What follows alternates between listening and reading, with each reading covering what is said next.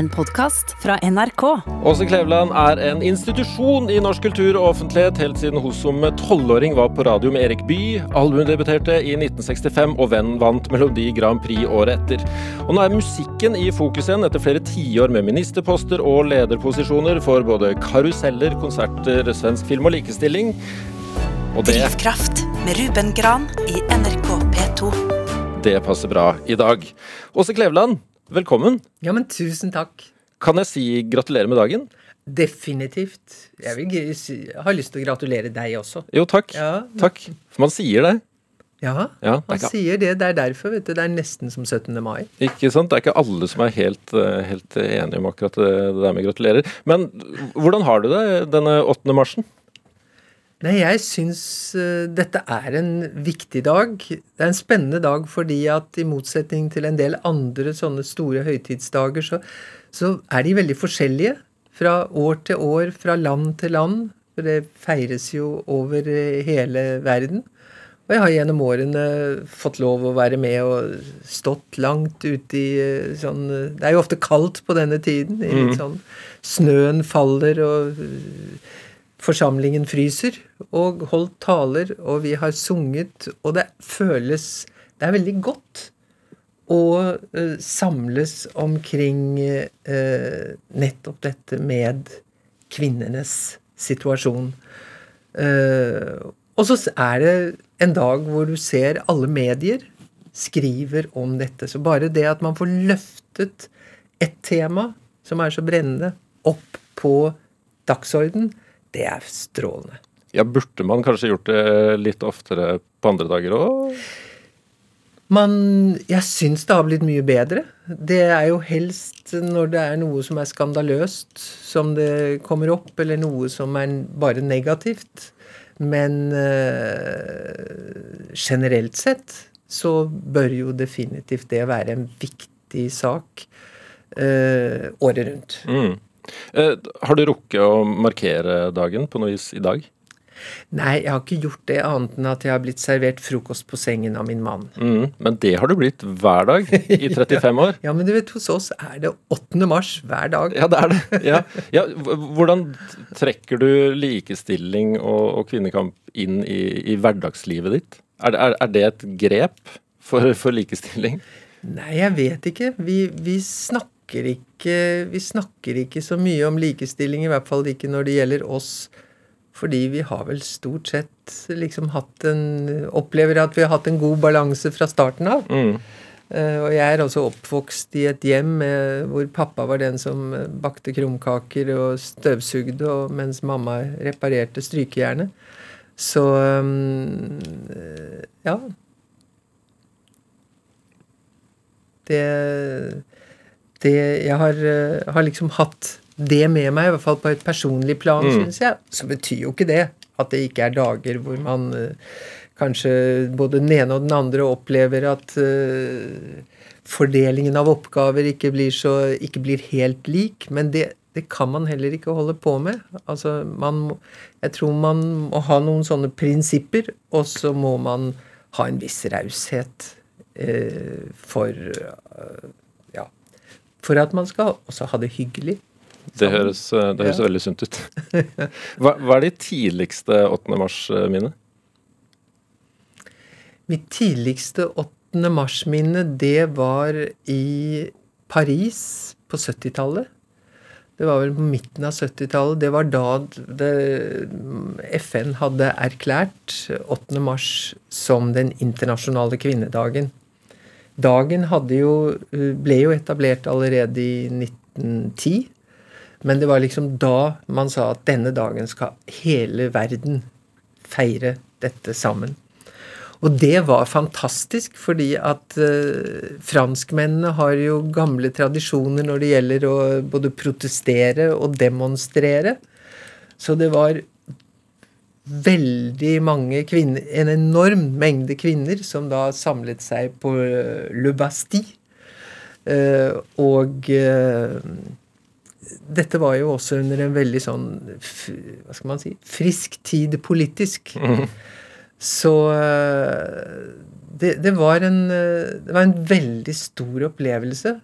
Nettopp fordi at det da stort sett bare var kvinner. Tusener, og sannsynligvis titusener. Hvorfor trengs fortsatt en internasjonal kvinnedag, tenker du? Altså, helt til man har For det første så tror jeg dessverre at det kommer til å være veldig lenge til eh, si, Til man kan si at alle utfordringer vi har i dag, er, er løst.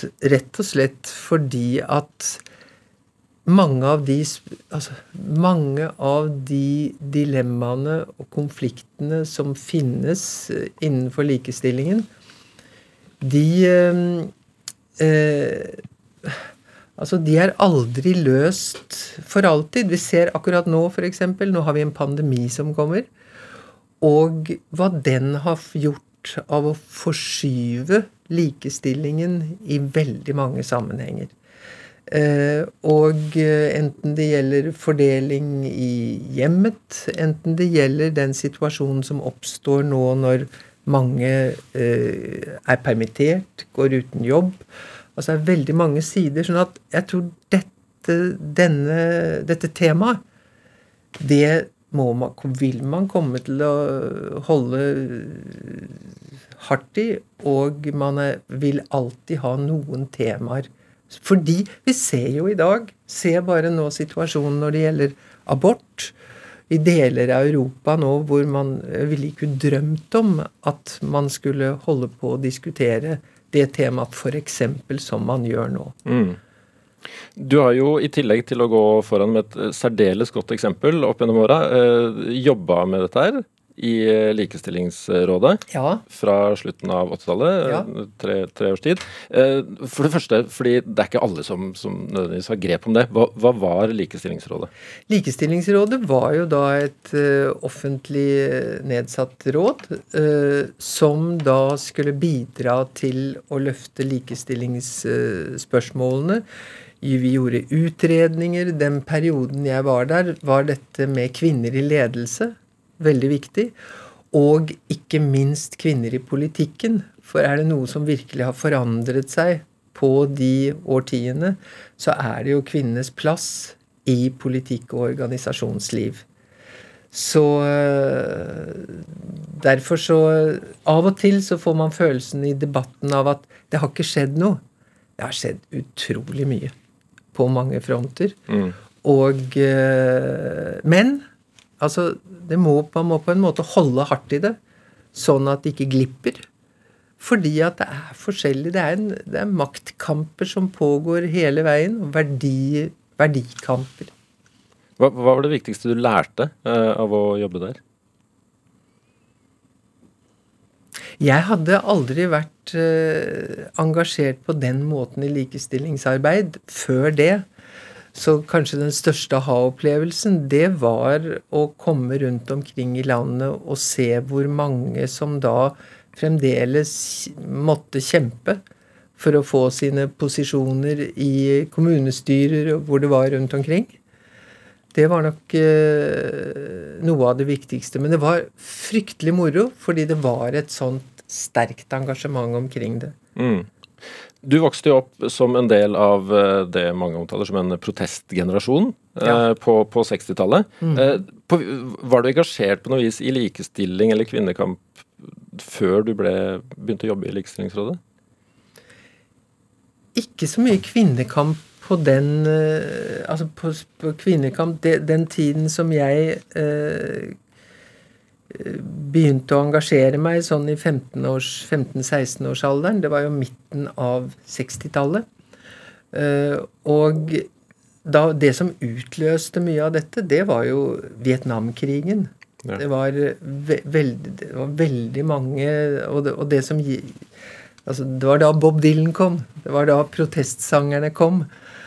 Og eh, det var i hvert fall for eh, noe av det viktigste for meg, og som gjorde at Men, men framfor alt noe av det viktigste med 60-tallet, og når denne protestbølgen kom, det var jo at Altså, vi var helt Vi skulle forandre verden, og vi var helt sikre på at vi skulle få det til. Ikke sant?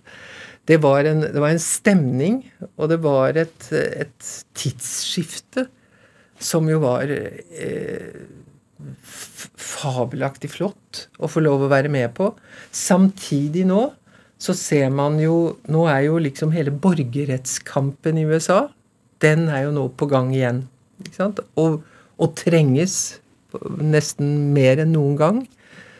Mens da jeg var i eh, USA i 67, det var jo dette året hvor det både var hippie, uh, hippies The Summer of Love, og det var de store marsjene som man da gikk i, og som var så viktige.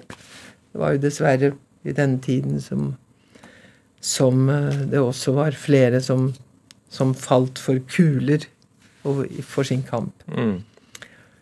Så um, så når det gjelder akkurat det med den organiserte kvinnekampen, så, så kom Så var dette noe av det første, men det var jo der. Det viktige som jeg egentlig har opp, ment, det er at man som kvinne skal kunne være med hvor som helst. Der man har et engasjement, og der man ønsker å forandre noen ting. Og det har jeg forsøkt å gjøre, selv om det ikke har vært eh, bare likestillingen ja. som har vært målet. Og da kan du komme veldig godt med med mm. noen gode mm. kampsanger. Det har jo du drevet litt eh, med. Du, du, du, kan, du kan, noen eh, protestviser etter hvert? Jeg kan jo ganske mange etter hvert, og kampsanger. Men eh, Vet du hva? Jeg skal synge veldig improvisert eh, og med en hes morgenstemme. Eh, en liten, skal du få en liten smakebit av en ganske ny sang som ble skrevet av Eigil Berg og Ingvar Hovland. Jeg spurte dem kan ikke dere lage, kan ikke dere nå lage en sang som vi kan bruke i alle mulige sammenhenger. Jo, det gjorde de. Og her er et vers av 8. mars-versjonen av denne sangen. Og den låter sånn. Ja, la fanene vaie for alle som villig har hevet sin stemme der det ikke er lett. Løft flaggene høyt der det ikke er billig, bare å fremme sin menneskerett. Løft fanene, bror, for alle som makter å krumme sin nakke og ta i et tak. Og uten så mange forførende fakter, med beina på bakken, står fram for sin sak. Så heiser vi søstre vår fane og går sammen med Han som har vist hvor han står. I dag vil vi flagge sammen med dem som vil at vår jord skal være et hjem, og som selv heiser frihetens fane. Og Grunnen til at eh, du fryser på ryggen og, og kjenner klampgløden koke, det er fordi Åse Kleveland synger eh, live og direkte eksklusivt her i Drivkraft. La fanene vaie. Ja, stemmer? Det stemmer. Fantastisk. Jeg må kjenne jeg må roe meg litt ennå. Jeg er fortsatt kald. Eh, var du like frimodig som 16-åring? Eh, nei, eh, jeg var nok ganske frimodig, men jeg men eh, jeg var veldig opptatt av at jeg ikke skulle gjøre noe gærent. At det ikke skulle gå feil. Eh, at jeg ikke skulle skødde, for å si det som han sa da. Og da eh, men det er da fordelen med å bli noen år eldre. Det er at man ja, kan liksom slå ut håret og ta sjanse på at ja, det, det, er teksten som er det viktigste. Mm. Ja. ja, fordi nå kasta du deg ut i det selv, selv uten klang, som ikke vi eh, her i NRK klarte å fremskaffe. Eh, men, ja, men, hvorfor er det sånn? Hvorfor klarer du å slappe mer av og ikke bry deg om detaljene nå? Nei, det er vel mange ting. For det første så kan du si det at jeg har jo vært borte fra musikken i 40 år eller noe sånt. Uh, og så derfor, når jeg nå Jeg har jo liksom definert dette som en ekstraomgang i livet. Hvor jeg har gått tilbake, gått vekk fra lederjobber og den slags, og, bestemte meg rett og slett for å for å gå tilbake til musikken. Og det som var utløsende, det var at jeg for ca. ti år siden fikk kreft. Uh, og uh, jeg har ofte hørt om mennesker som sier at etter at man har vært farlig syk, så blir ingen, ser ingenting ut som det har gjort før. Jeg syns ofte det har virket litt overdramatisert. Men det var jeg som ikke skjønte bæret den gangen. Det var Det er helt klart at man begynner å se på både livet og ikke minst i min alder uh, at nå er det best å tenke seg godt om. Uh, det var en lege på Ullevål, en veldig uh, klok og bra lege, som jeg spurte da, når jeg var gjennom alle kurer og sånt, hva skal jeg nå gjøre? Hva skal jeg nå gjøre for ikke å bli syk igjen? Skal jeg bli eh, vegetarianer? Skal jeg begynne å trene fire dager i uka? Hva skal vi gjøre? Og så sa denne sindige trønder at vet du hva, jeg eh, har erfart at for veldig mange, veldig mange mennesker De eh, eh Det er liksom noen ting med at eh, det man gjør av lyst, det er sunt. Så jeg syns du som jobber, har jobbet så mye i livet, ikke, du burde tenke deg om. og Si hva er det egentlig du har lyst å gjøre med resten av livet ditt? Og da hadde jeg nettopp vært eh, Da hadde jeg på skjelvende eh, cellegiftben stått og vært eh, konferansier for Bob Dylans Hva var det? 70 det må altså ha vært 70-årsdag. Mm. ja. Eh, og fått den der plutselig fått smakt på hvor fantastisk det er å stå på en scene og synge 'Times They Are A Changing', eller hva det måtte være. Så etter to dager så tenkte jeg nå, nå er det slutt. Nå har jeg gjort det jeg skal gjøre uh, av administrasjon og økonomi og politikk. Nå skal jeg synge. Og så leide jeg meg toppen på flytårnet på Fornebu. Gamle Fornebu. Og så flyttet jeg inn med alle mine noter og papirer som min eh, ordentlige mor hadde holdt orden på. Og så tilbrakte jeg et halvt år der oppe. Ikke så utover fjord og fjell, ikke sant? Mens fuglene fløy forbi. Og så sang jeg meg gjennom alt mitt gamle materiale. Og det var veldig mye. Sanger jeg, som jeg bare hadde snust på, og sanger som jeg hadde sunget masse ganger. Og det var Altså, jeg er sikker på at man kunne eh, man, man, trengte ikke så mange psykologer. eh, hvis, man, hvis man Det der med musikkterapi, det var kanskje det det var gjennom. Mm. Og det var en utrolig fin opplevelse.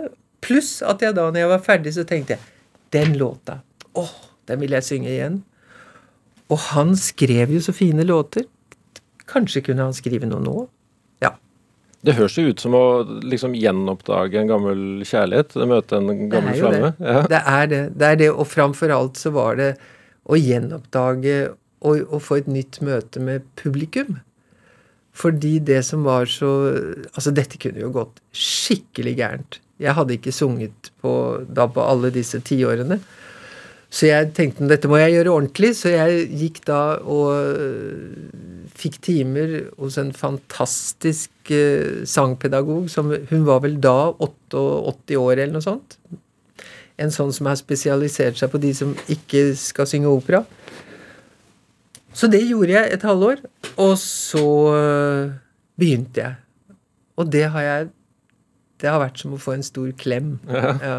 Men det, altså, de, de, gikk 40 år fra siste album med ballade. Ja, det var vel ja, noe sånt. Ja. Men Har du ikke sunget noe for deg selv eller i private sammenhenger? Ingenting. Ingenting? Nei. Ikke i dusjen engang? Kanskje, men det har vært, det har vært veldig Det har vært et lite stev i dusjen. Ja, Så du har knapt hørt din egen sangstemme i løpet av fire Nei. Veldig lite. Og det lå jeg, Når jeg sier det, så hører jeg at det låter litt sprøtt. Altså, det låter Det er ikke noe helt normalt at man bare gjør det sånn. Men det ble det, Jeg har liksom både en evne og et problem med det at når jeg gjør noe, så gjør jeg det veldig Så dominerer det mitt liv helt, ikke sant? Og sånn at når jeg da bestemte meg for at Jeg egentlig sluttet jo fordi jeg, jeg syns etter hvert det ble litt ensomt. Oh, ja. Altså når du er soloartist, så er livet ditt veldig sånn eh, Du har Du spil, synger med band, du gjør alt mulig, men mens du I hvert fall for meg så ble det litt sånn. Pluss at jeg syntes Jeg begynte å lure på liksom om ikke Om jeg ikke skulle Om det ikke var noe annet. Om jeg ville gjøre noe annet. Men eh, Nei, så jeg hadde ikke gjort det. Det var derfor jeg også måtte begynne å ta noen sangtimer. Så Men det, men det er da tidlig Det er vel, det er vel tidlig 80-tall at du da la du, la, du, la du musikken på is, eller la du den på hylla? Tenkte du da? Ja, altså det var helt eh, Du kan si min siste soloplate spilte jeg inn i 76. Ja. Og så spilte vi inn de to balladeplatene. Det var sånn 80 80-ish. 80 81. Mm. Så etter eh, Etter det, så etter 81, så hadde jeg jo eh, Da jobbet jeg jo mye med TV. Men eh, sang stort sett ikke. Men var det rett og slett en liten sånn eksistensiell krise? Nei, vet du hva? Det, det, jeg jeg hadde jo aldri øh, Jeg har egentlig vært veldig bortskjemt, fordi at min karriere har rullet liksom av seg selv. Jeg ble invitert til Erik Bye som tolvåring, og så ble man da øh, Noen år etter, så Tre år etter så kom jeg da til Hyland og gjorde et veldig, veldig god sånn eh, breakthrough der, og, og i Sverige. ja, I Sverige, da. Ja, Mm. Så mine første plater var jo produsert i Sverige. Og og så, har, så bare gikk det, og så kom jeg til Frankrike, og så reiste jeg ut, og så og så kom, var jeg jo da i eh, Sverige og spilte revy på slutten av 60-, begynnelsen av 70-tallet. Og når jeg var ferdig med det, og hadde vandret opp og ned en trapp med store hatter og veldig utringede øh, overdeler, så, øh, så plutselig tenkte jeg at dette orker jeg ikke, altså. Det å, det, altså det der, og da ble jeg plutselig litt sånn øh, smashing ung dame som sang om hvor festlig det var å være ung. Og jeg hadde jo hele min uh, ungdom hadde jeg stort sett sunget veldig alvorlige sanger. Så da fant jeg ut at jeg skulle redde verden på en annen måte enn å synge, og så begynte jeg å studere juss. Hvilket var, har vært Jeg tok en pause, da, etter tre år, og den har jeg aldri liksom tatt opp igjen. Men jeg har hatt utrolig glede av jussen. Så, så langsomt så kom jeg da inn i fagforeningsarbeid, og så ble det litt ballade, men ballade var en sånn Det var en sånn lite Noe som et siste sukk. Mm. Nei, det låt fælt. Eh, Men det var, ikke, det var ikke ment sånn. Det var et skikkelig morsomt sukk. Ja, det var det. Ja. Og så gikk det altså 40 år før neste albumutgivelse, som kom i fjor, på, Ja. på frihjul. Og du har jo fortalt om at du, du fikk smaken på musikken igjen eh, takket være Dylan. Han, eh, Dylan har vært en sånn rød tråd i hele ditt ja, musikalske virke. Ja, Det har det virkelig vært. Altså. Ja. Eh, og på albumet ditt så er det en, eh, en gammel oversettelse av, av en eh, Dylan-låt. Ja. Som, apropos som har fulgt deg. Ja da, den har fulgt meg, og det var Altså Det var jo egentlig klassisk gitarist jeg skulle bli, og jeg ble slett ikke verst, men sangen tok liksom over. Og så hadde jeg laget en liten melodi til Inger Hagerup, vår store poet. Eh, og eh, så ble jeg invitert hjem til Inger Hagerup. Og der møtte jeg da eh, Klaus Hagerup, som da var to år eldre enn meg. Eh, og skjønte at han skrev tekster. Og da var jeg midt liksom i min store Dylan-start. Så jeg spurte han om ikke han kunne være så snill å skrive en norsk tekst. Jo, Klaus, som var verdens vennligste mann, han skrev da en kjempefin tekst. Og så viste Og jeg var så lykkelig, for da skulle jeg spille inn Hard Rains Are Gonna Fall, og så tenkte jeg nå har jeg denne istedenfor. Nå har jeg den norske varianten. Men så var det svensk produsent. Og han Altså, bare tanken for han å komme med Hard Rains Gonna Fall på norsk i Sverige Det var ikke snakk om? det var, nei, det, det, det, var ikke sånt. Det kom ikke på tale. Så den låta ble da Så jeg spilte den inn på, eh, på engelsk. Ikke særlig festlig, men øh, Og så ble den liggende. Og så da Klaus og jeg møtte hverandre hvert femte år omtrent, så sa Klaus husk bare, den dagen du begynner å synge igjen, da har du lovet meg at du skal spille inn eh, vår versjon. Ja, så, og så gikk det jo da, alle disse årene. Mm. Og eh, Klaus Da jeg kom opp og var noenlunde frisk igjen, så hadde Klaus blitt syk. Og da fant vi ut at vi skulle sette oss og vi skulle gjøre noe morsomt sammen. Så da møttes vi i tårnet med jevne mellomrom, og så satt vi og oversatte de låtene vi likte best. Sånn uh, Still Crazy After All These Years og sånn. Og så kom dette med platen. Og da lovet jeg som sagt at den nå, nå Og Klaus fulgte den der prosessen hele veien. Og så ble den, syns jeg, veldig fin. Uh, I den versjonen som ble gjort med Salmon Smokers. Men så døde Klaus dessverre før plata kom. Men uh, nå finnes den ute. Mm. Men det tok altså da fem år for å få dette, Det gikk jo veldig langt fra jeg var 15 til jeg spilte den inn, men det holdt på å glippe, rett og slett fordi at det var så vanskelig å få tillatelse. Ja, men vi fikk det til. Ja, det er godt. Og den, og den er i godt selskap eh, på det albumet. Eh, og den er i godt selskap med ikke coverlåter, for det begrepet liker ikke du. Nei, Nei. det syns jeg er så rart. Hvem snakker om å covre Mozart, eksempel? Ja, det er godt Nei. Det er ikke rettferdig Nei. på en dag som vi skal være rettferdige. Ja, vi skal ikke bi oss ut på en semantisk debatt her nå, Nei. men eh, tolkning, kan man si.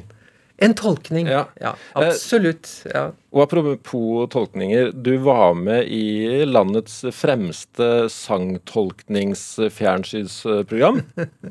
Hver gang vi møtes. Ja. ja. Hva slags opplevelse var det?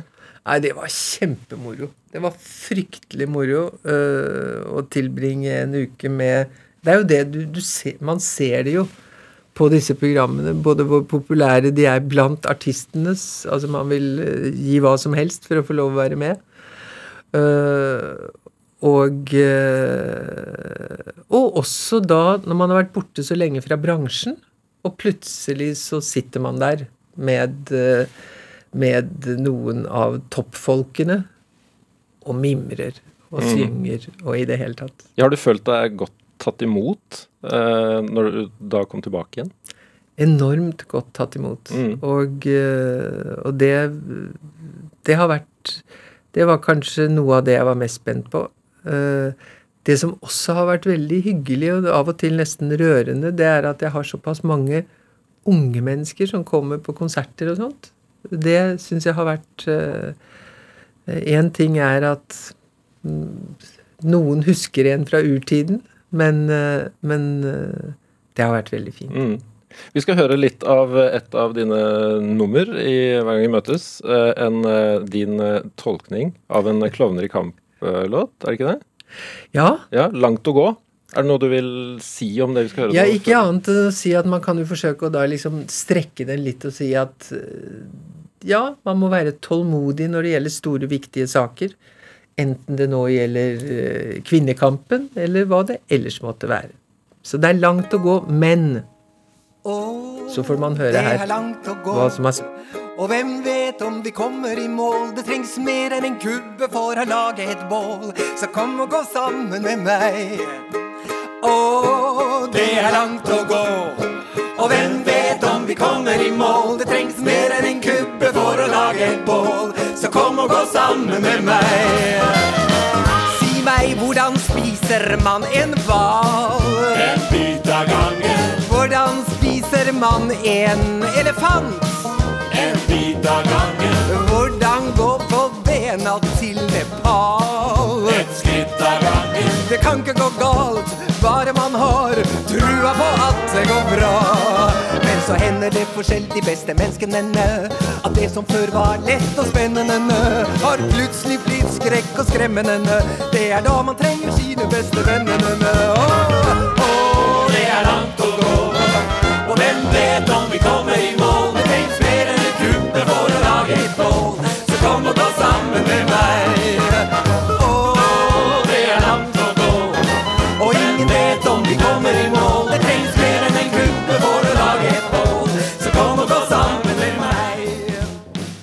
Åse Kleveland fra Hver gang vi møtes, langt å gå. Og Åse Kleveland er også min gjest her i Drivkraft, Drivkraft på P2 i dag.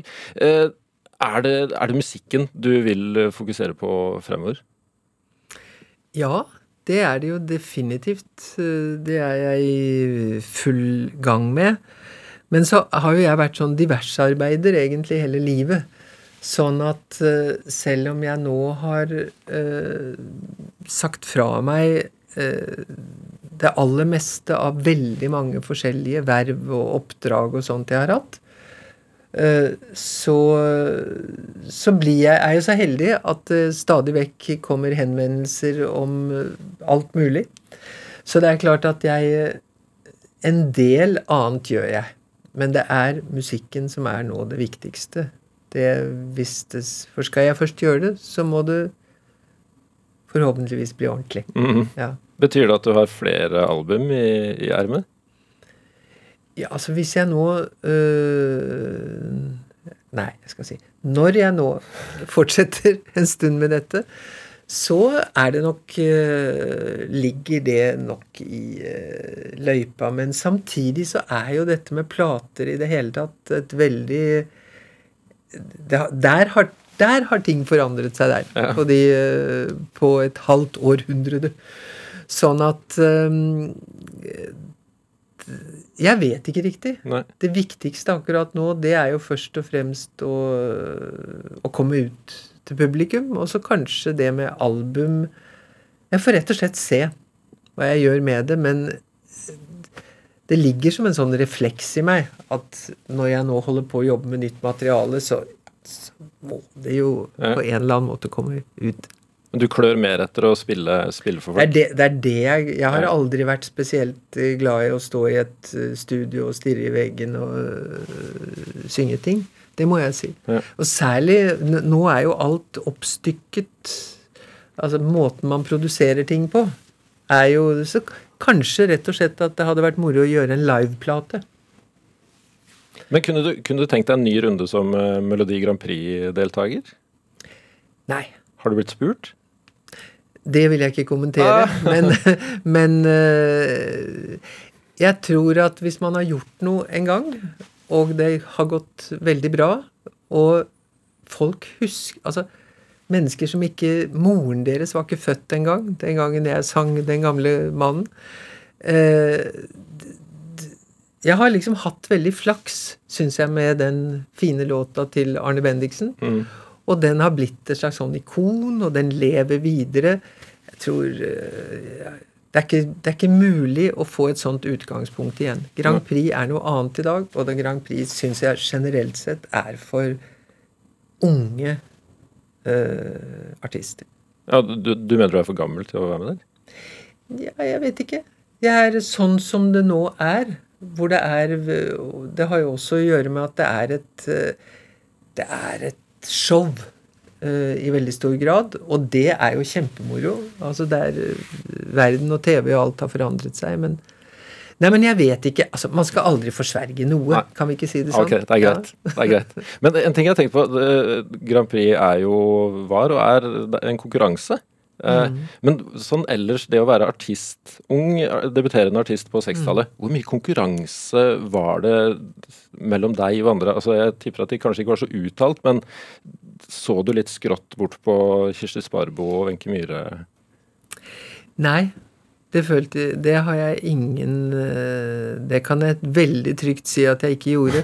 Nå var jo ikke jeg Altså, de var jo de store innenfor popsegmentet. Jeg sang viser. Men av en eller annen grunn så hadde jeg da eh, Var jeg i en situasjon at jeg selv om jeg da i stor grad hadde konserter og sånt, så var jeg på Namsosmartnan og var på Kristiansandsdagene og sang for uh, muntre mennesker sent på kvelden og var i det hele tatt rundt omkring. Så, så vi var uh, Vi var, i, vi var i, i, i forskjellige skuffer, Ja. kan du si. Så det var ikke så mye å tenke.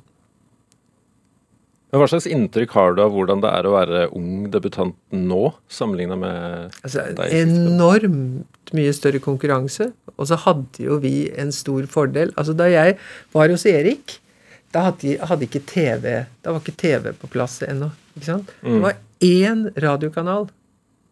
Tenk på det, hvis du hadde vært på den. Da var du da var det bare du som eide Ja, eteren. Erik Bye, ikke sant? Ja, ja. Ja. Erik, Erik By, søndagen, søndag ettermiddag, da, da hørte nesten hele fedrelandet på, eh, på eh, han.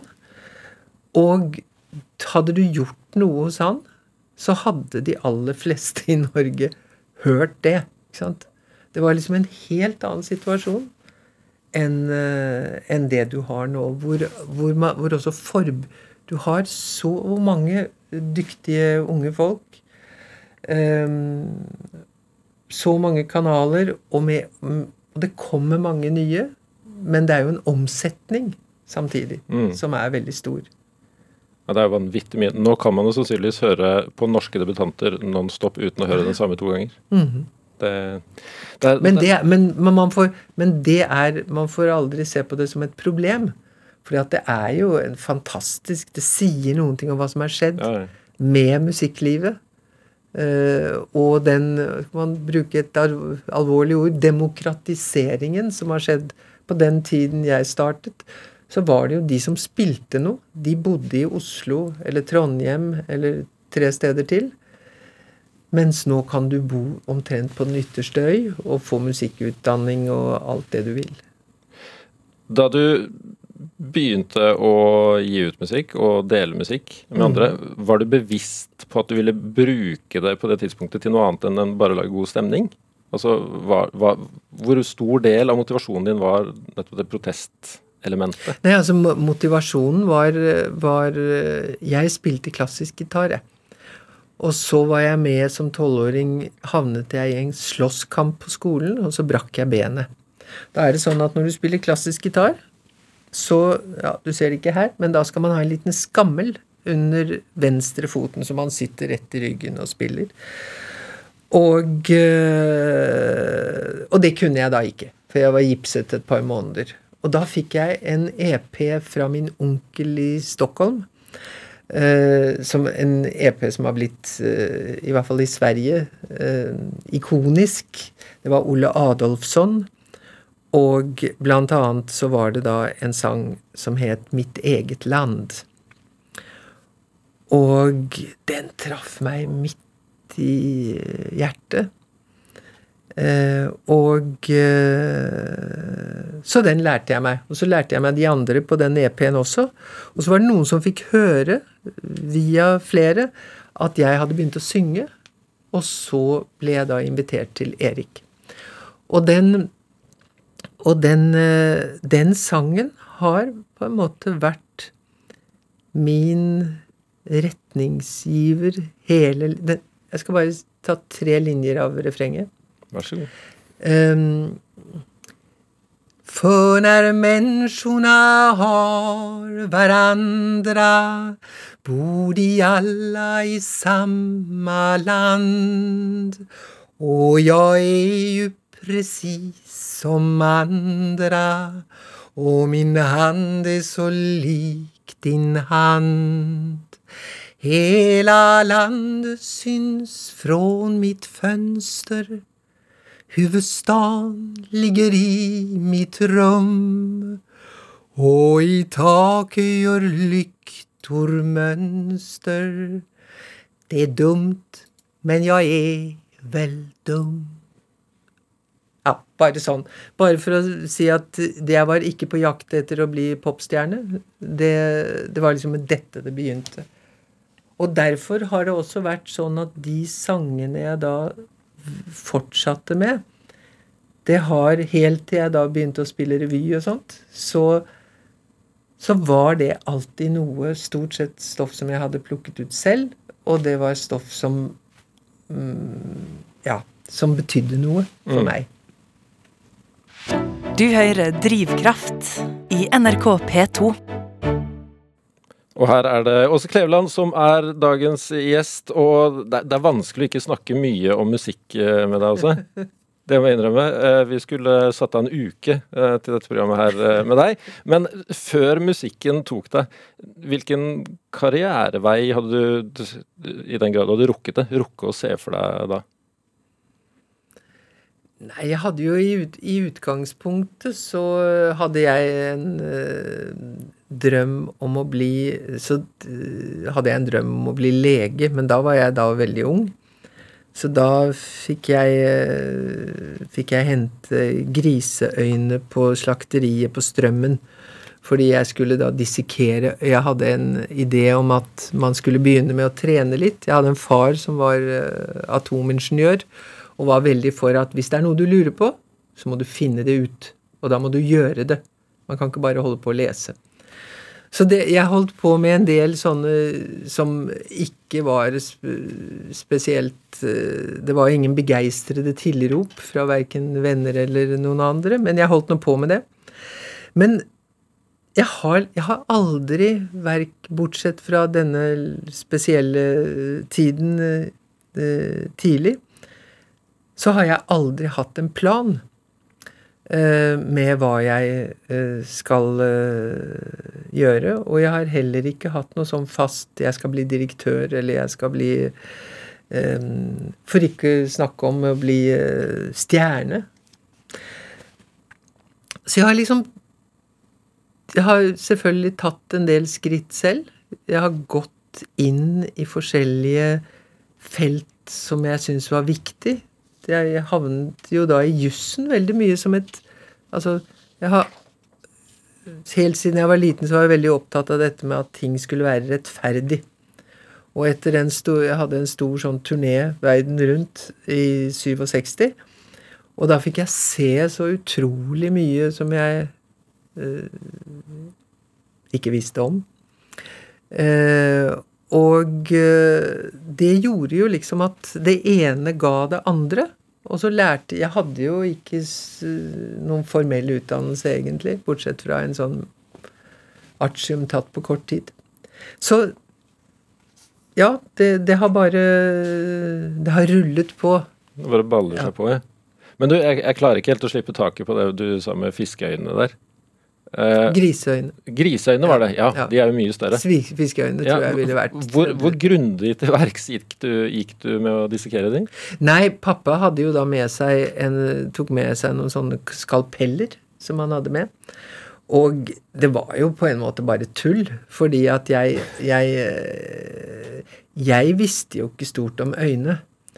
Eh, jeg hadde bare, jeg husker ikke, Det var en venninne som hadde fått briller, og vi hadde holdt på å snakket om dette.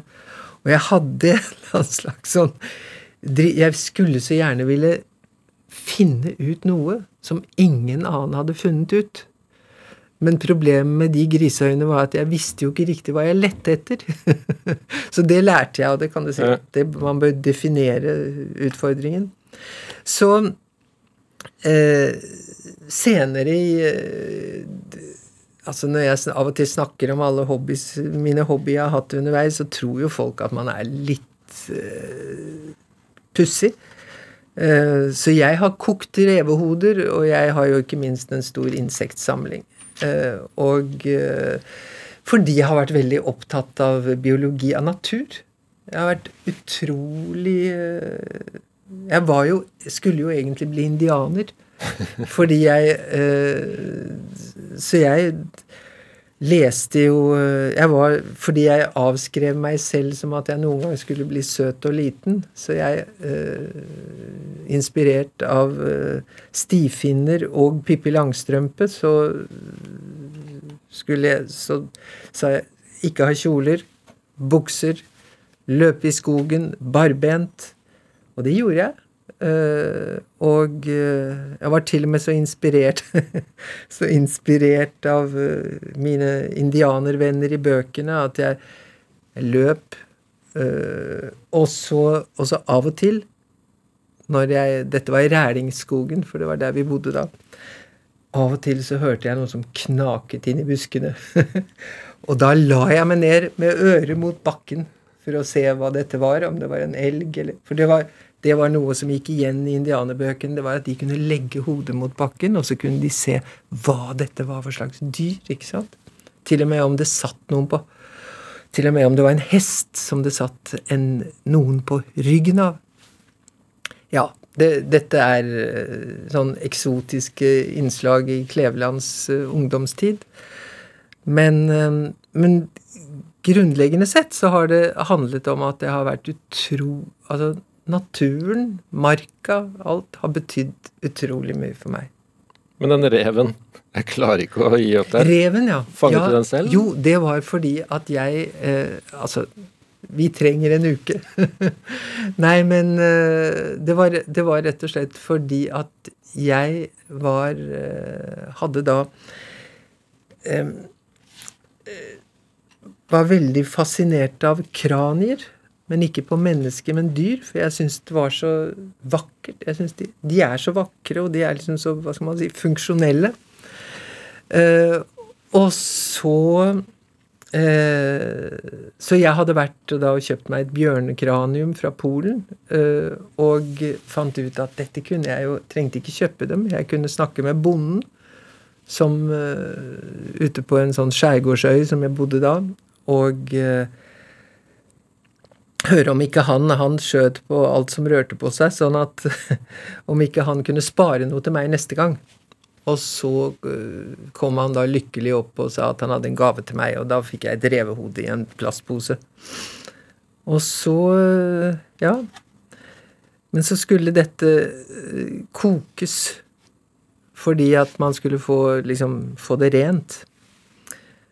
Men før det så hadde jeg glemt Nei, vet du hva, dette, dette blir for langt. Men saken gikk, det gikk i hvert fall bra til slutt. Mm. Bortsett fra at sammen med mine små kranier på, hjemme i biblioteket, så, så står det også da en tannløs rev. For det som skjedde, var at tennene løsnet og øh, gikk ut gjennom hullene i øh, utslagsvasken.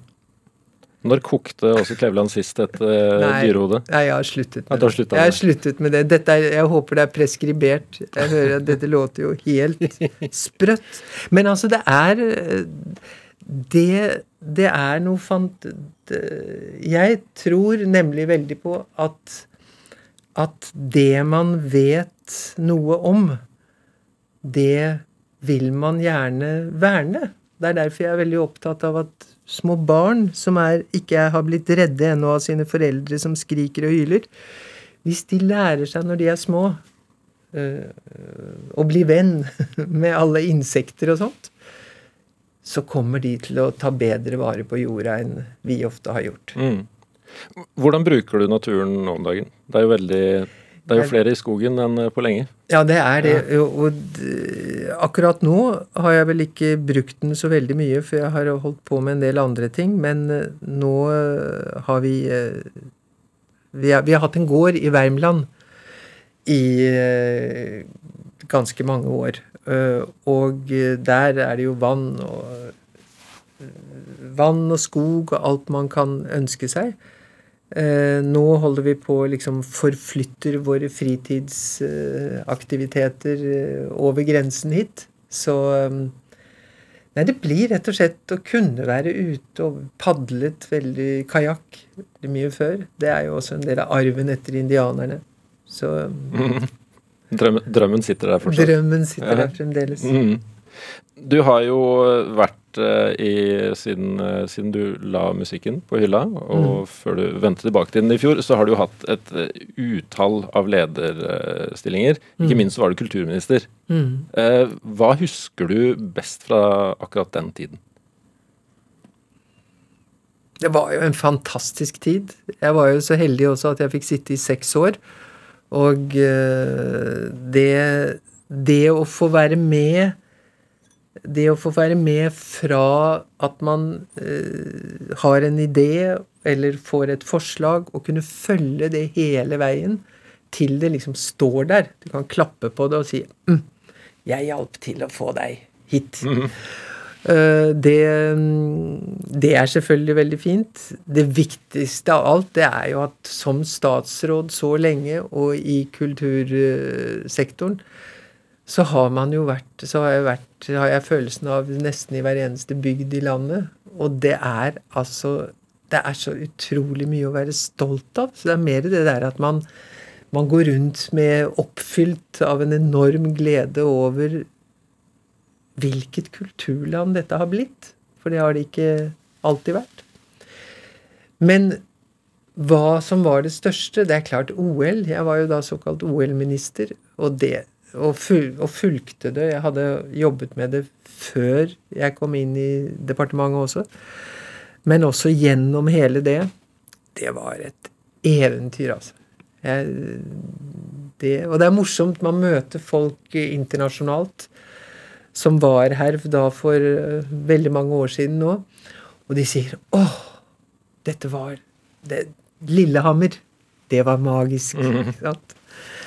Så um, Men det som var Det jeg var veldig Altså, det er jo så mange ting, og den tiden uh, jeg jobbet med dette, det at jeg fikk at vi i hvert fall fikk trukket inn arkitekturen som en del uh, av kulturpolitikken. At vi Det var det var, uh, det var jo en tid hvor nesten hele mediepolitikken ble i hvert fall revidert med bråk og hyl og skrik, delvis, men likevel. Eh, og ja, det Det er veldig eh, Det var en fantastisk tid.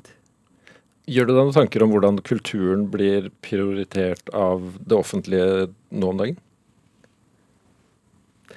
Ja, altså På ene siden så er det jo faktisk eh, Når det gjelder Av og til så måler man jo kulturinnsatene i kroner. Og de kronene er veldig viktige. Det er ikke det. Men øh, sånn sett så har man jo nå satset en god del penger også innenfor kulturområdet. Men problemet, syns jeg, det er hvordan man har innrettet støtteordninger og annet som slår veldig forskjellig ut. Uh, og som innebærer at det fremdeles er veldig, veldig mange som strever ordentlig, altså. Mm. Det er noen ting med at i forhold til næringslivet så sier man at ja, nei, men hvis dere bare fyller ut her på nettet og sender inn, og dere øh, oppfyller disse kravene, så kommer dere til å ha penger på kontoen i løpet av to uker. Mens det for mange musikere og artister så er det liksom spørsmål, har det vært spørsmål om å vente i fire måneder på kanskje å få uh, sine små penger som man har, uh, som han, uh, har krav på. Sånn at jeg tror skulle ønske at det hadde vært et mye nærmere samspill mellom bransje og de som jobber der, med myndighetene. Mm. Men, men altså det er jo en utrolig krevende situasjon som, eh, som også myndighetene sitter i. Men det er litt det der Vi som er artister og jobber i kulturområdet, er ekstra vare. og av og til litt såre på, for at man behandler oss annerledes, selv om vi til syvende og sist er folk som må jobbe, og som uansett må ha penger å leve av. Har du, kjent på krisa sjøl, på noe vis? Nei, det, jeg har ingenting å klage over, og det er rett og slett fordi vet du hva, Jeg misliker så sterkt å si det, men jeg, jo, jeg får jo min pensjon. Ikke sant? Du gjør Og det det? er jeg veldig glad for. Ja. Jeg tar til og med imot den. Så um, Så uh, Nei, men jeg har stor medfør og Altså, vi har god plass. Vi har en plen. Vi har uh, det vi skal spise, og Og uh, kan jobbe. Uh, Så Men det er helt andre som får ta støyten. Mm. Men vi har ikke sett barnebarna siden jul. Det er eh, Ja. Ja, det, er, Det, det, vi, det gleder vi oss til. ja, det kan jeg skjønne. Ja. Eh, Det har jo gjort at man, eh, for veldig mange, for nesten alle, stort sett alle, så har man begynt å reflektere rundt hva, hva, hva et godt liv er Ja. eh, på grunn av denne krisa. Har, har din oppfatning av det forandra seg på noe vis i løpet av siste året? Nei, egentlig ikke, fordi at jeg kan skjønne Jeg ser jo, og det, det er jo Jeg skjønner for veldig mange andre at det er eh, en eh, eh, At det er en stor forskjell, og at sikkert mye kommer å forandre seg også selv når dette er over. Men hvis man er frilanser i utgangspunktet, så Og jobber mye hjemme Jeg hadde jo da var ute av tårnet ett år tidligere. Så egentlig så er vårt utgangspunkt omtrent det samme som det mange andre sitter i. Det er bare at vi gjør det helt frivillig. Åse Kleveland, tusen takk eh, for besøket, og god 8. mars eh, videre. Tusen takk skal du ha, og en skikkelig god 8. mars til alle dere der ute. Dagens drivkraft er over. Jeg har vært Ruben Gran. Ha det godt. Vi hørs. Du har hørt en podkast fra NRK. Hør flere podkaster og din NRK-kanal i appen NRK Radio.